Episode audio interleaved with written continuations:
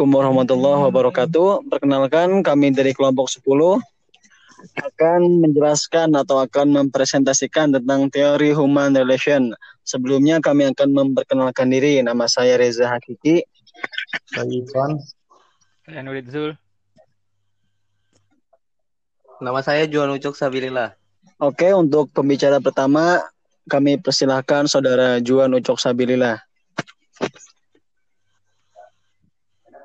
Ya, pertama, pertama adalah latar belakang. Human relation adalah hubungan kemanusiaan yang lebih ditekankan kepada unsur-unsur rohaniah yang meliputi sifat, watak, tingkah laku, pribadi, serta aspek-aspek kejiwaan lainnya yang terdapat dalam diri manusia yang menuju sesuatu kebahagiaan dan puas hati.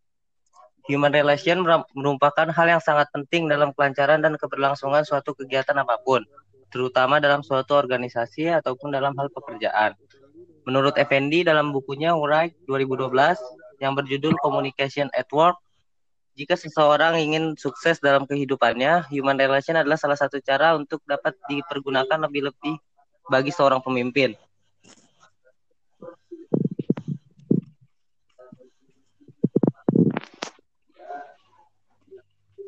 Oke, ya udah. Oke, selanjutnya rumusan masalah. Di sini kita ada empat rumusan masalah yang pertama adalah mengetahui pengertian human relation. Silakan untuk pembicara berikutnya.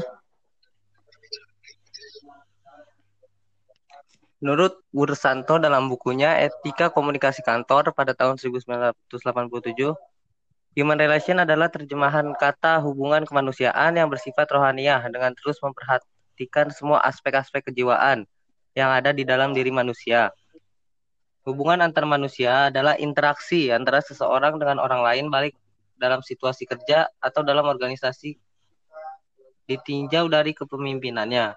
Yang bertanggung jawab dalam suatu kelompok merupakan interaksi orang-orang menuju situasi kerja yang memotivasi untuk bekerja secara produktif, kepuasan ekonomi, psikologis, dan sosial.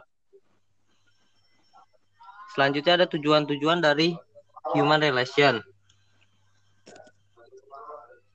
Tujuan pokok dari human relation ada lima. Psikologis para karyawan, moral yang tinggi, disiplin yang tinggi, loyalitas yang tinggi, dan motivasi yang tinggi. Apabila di dalam organisasi ada kepuasan psikologis pada diri pada diri para karyawan, ada moral, disiplin, dan dan motivasi yang tinggi, maka organisasi akan dapat diurus dengan mudah dan dapat berjalan lancar menuju sasaran yang ditetapkan. Dari uraian tersebut dapat disimpulkan bahwa human relation mengakui pentingnya hubungan antar pribadi yang harmonis, yaitu hubungan yang didasarkan atas kerukunan, kekeluargaan, dan saling menghargai. Karena hanya dalam suasana yang demikian organisasi dapat diurus dengan baik dan dapat mencapai sasaran. Baik, terima kasih kepada Saudara Juan untuk rumusan masalah selanjutnya, yaitu pengertian mengetahui pengertian self disclosure. Silahkan pembicara kedua. Baik, terima kasih. Yang selanjutnya adalah teori self disclosure. Self disclosure adalah bentuk komunikasi interpersonal dalam ber, dalam bentuk membagi informasi diri pribadi berupa ide, perasaan dan fantasi serta mengungkapkan reaksi dan tanggapan terhadap suatu situasi yang umumnya disembunyikan namun disampaikan sehingga orang lain mengetahui apa yang dipikirkan, dirasakan, dan diinginkan. Selanjutnya itu adalah tujuan dan fungsi self-disclosure.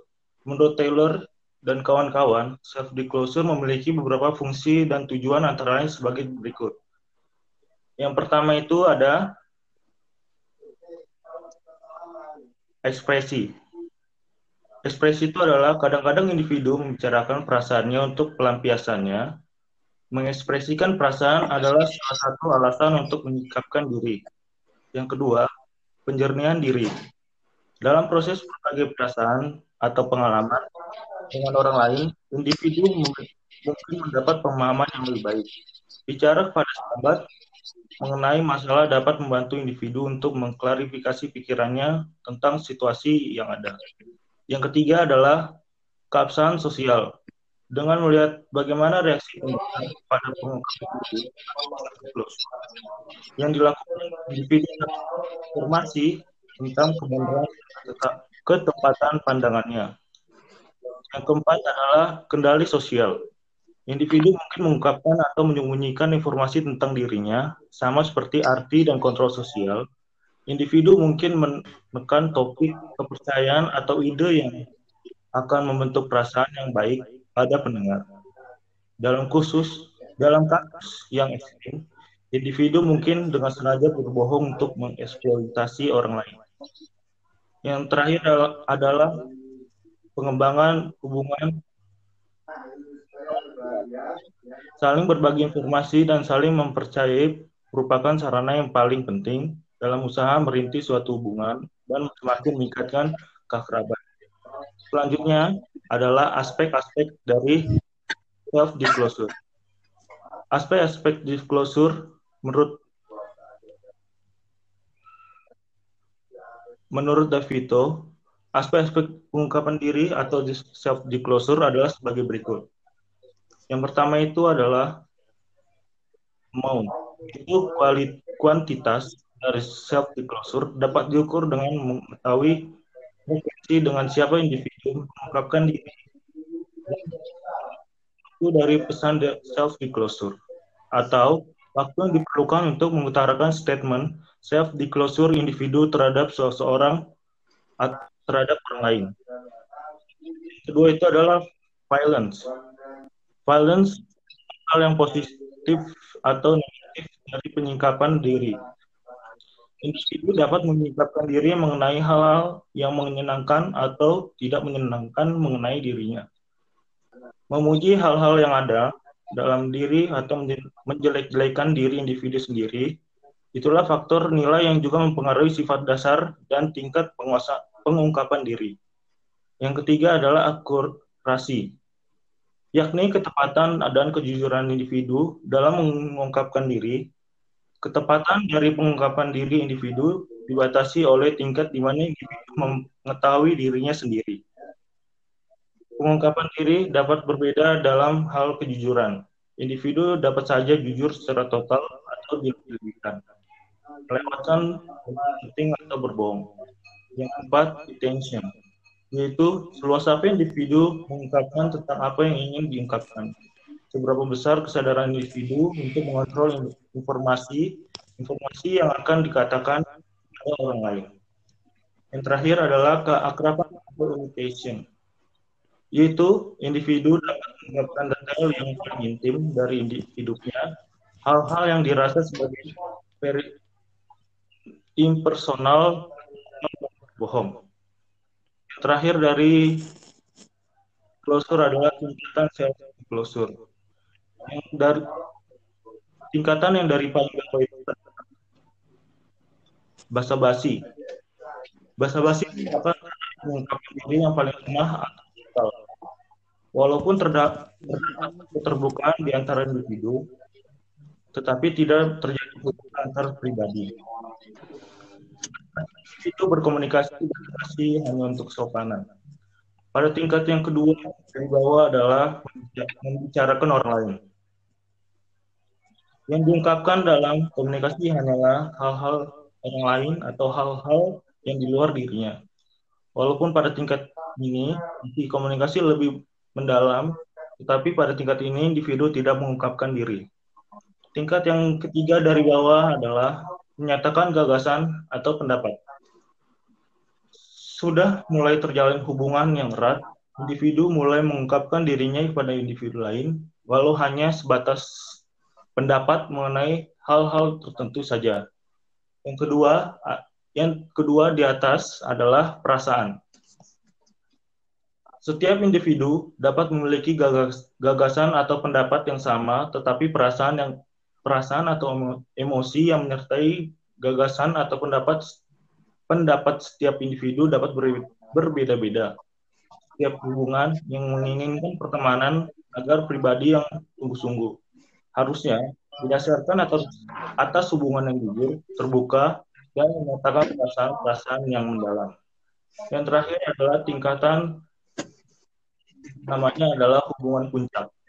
Pengungkapan diri telah dilakukan secara mendalam, individu yang menjalin hubungan antar pribadi dapat menghayati perasaan yang dialami lainnya atau empati dalam persahabatan yang dalam dan sejati haruslah berdasarkan pada pengungkapan diri dan kejujuran yang mutlak. Sudah.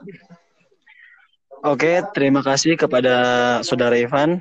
Untuk rumusan masalah selanjutnya yaitu mengetahui teori pertimbangan sosial.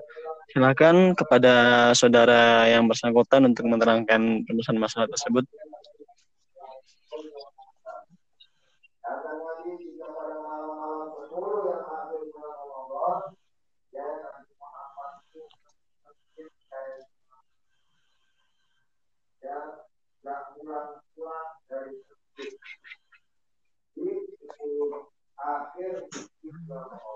Silakan Saudara Nurijul.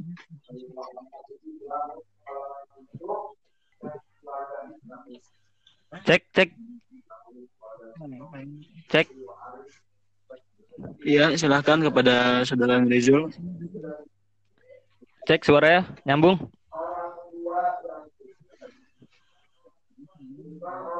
Iya, silakan kepada Saudara Ya, untuk menjelaskan teori pertimbangan sosial. Oke, teori pertimbangan sosial ini berasal dari seorang psikolog di Oklahoma University, yaitu Muzair Sherif. Menurut Sherif, perubahan sikap dan perilaku seseorang terhadap objek sosial dalam hal ini yaitu manusia lain merupakan hasil dari proses di mana seseorang telah mempertimbangkan pokok persoalan yang akan telah dia yang, yang akan atau telah dihadapi.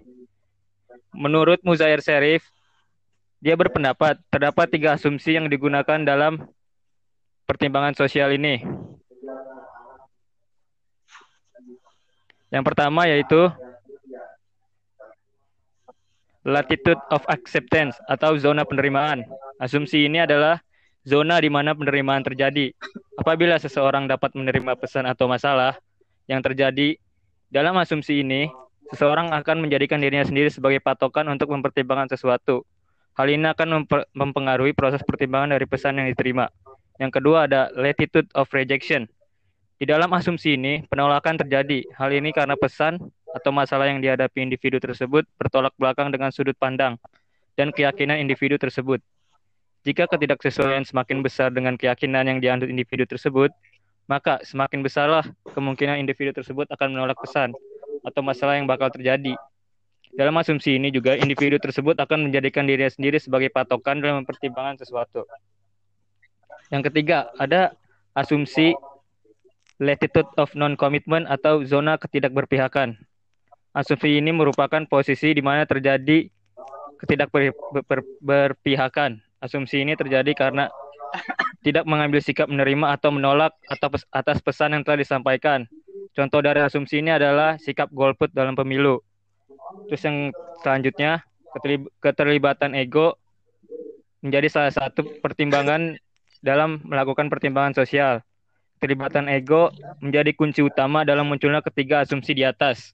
Ego lah yang menjadi tolak ukur seberapa penting atau tidaknya suatu pesan atau masalah dalam hidup sese- hidup seseorang.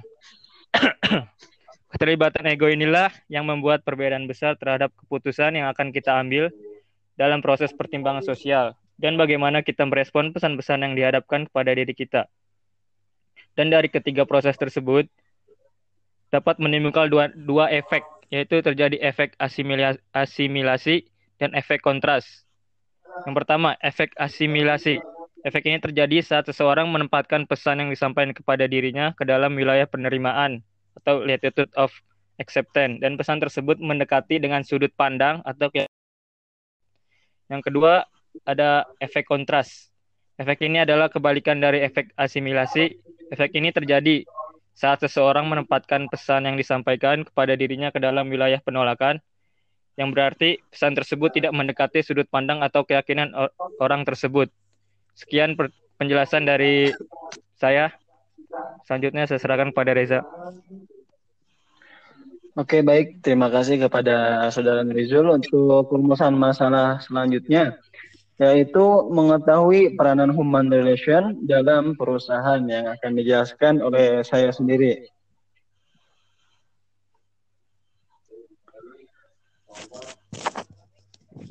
Di sini ada aplikasi human relation. Human relation adalah suatu action oriented, suatu kegiatan untuk mengembangkan hasil yang lebih produktif dan memuaskan. Human relation ini bisa dilakukan di mana saja, kapan saja, dan dengan siapa saja. Peran human relation sendiri dalam sebuah perusahaan memainkan peran dalam hal konseling. Ditinjau dari segi komunikasi konseling adalah komunikasi antar persona.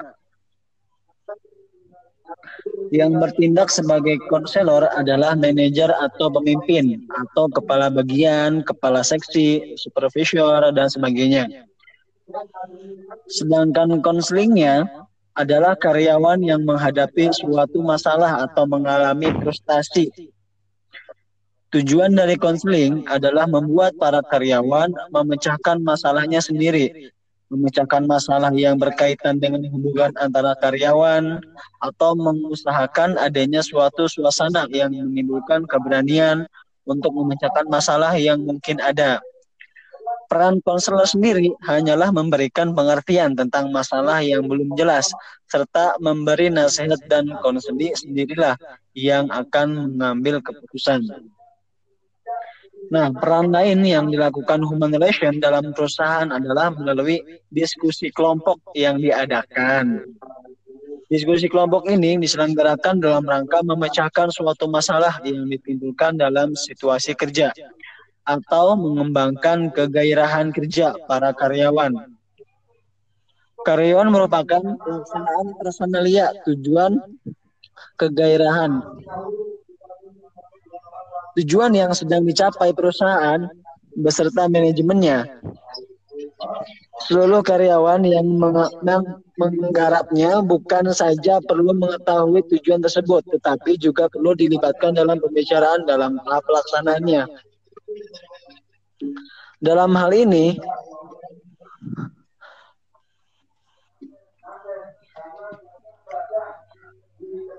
faktor psikologis ikut berperan dengan pengikut sertaan para karyawan dalam diskusi, mereka merasa dianggap sebagai manusia berharga dan karena keputusan yang diambil adalah hasil dari musyawarah bersama. Mereka akan bekerja dengan penuh tanggung jawab. Hal ini tentu berbeda jika mereka bekerja menurut instruksi-instruksi tanpa diikutsertakan pembahasannya. Selanjutnya adalah implikasi human relation peran human relation sangat menentukan aktivitas organisasi dalam tuju dalam mencapai tujuannya. Hal ini dapat dijadikan tolak ukur untuk pemberian kompensasi, pengembangan potensi diri, serta perbaikan lingkungan kerja dalam melakukan inovasi yang akhirnya akan meningkatkan motivasi dan juga meningkatkan prestasi kerja. Dalam perusahaan, human relation dirasakan sangat penting oleh para manajer karena human relation dapat menghilangkan kerugian akibat miscommunication dan misinterpretation yang terjadi antara manajer dengan karya, dengan para karyawannya. Oke, selanjutnya kesimpulan kesimpulan yang akan dibawakan oleh saudara Juan. Silakan saudara Juan. Silakan. Yuan. Ya, berdasarkan materi-materi yang sebelumnya dijelaskan, maka dapat disimpulkan, maka dapat diambil tiga kesimpulan sebagai berikut. Yang pertama adalah human relation adalah suatu kegiatan yang menghubungkan manusia dengan manusia lainnya secara manusiawi dalam segala bidang kehidupan dan dapat dikatakan berhasil apabila hati seseorang tersebut merasa puas dan senang. Yang kedua adalah pengungkapan diri dapat bersifat deskriptif maupun evaluatif. Mengungkapkan diri ini yaitu seseorang melukiskan berbagai fakta mengenai dirinya yang mungkin belum diketahui oleh pendengar seperti pekerjaan, tempat tinggal, dan sebagainya. Yang terakhir adalah menurut teori pertimbangan sosial dari Muzaffar Sherif, perubahan sikap dan perilaku seseorang terhadap objek sosial dan masalah sosial tertentu merupakan hasil dari proses di mana seseorang telah mempertimbangkan pokok persoalan yang akan atau yang telah terjadi. Itulah kesimpulan dari presentasi yang telah kami sampaikan. Selanjutnya saya kembalikan kepada moderator. Oke, uh, ini adalah penjelasan materi human relation dari kelompok 10. Kurang lebihnya mohon maaf. Sekian dan terima kasih. Wassalamualaikum warahmatullahi wabarakatuh. Maaf kalau ada kekurangan suara. Waalaikumsalam Namun kita masih coba-coba. Waalaikumsalam. Selamat Selamat sore. you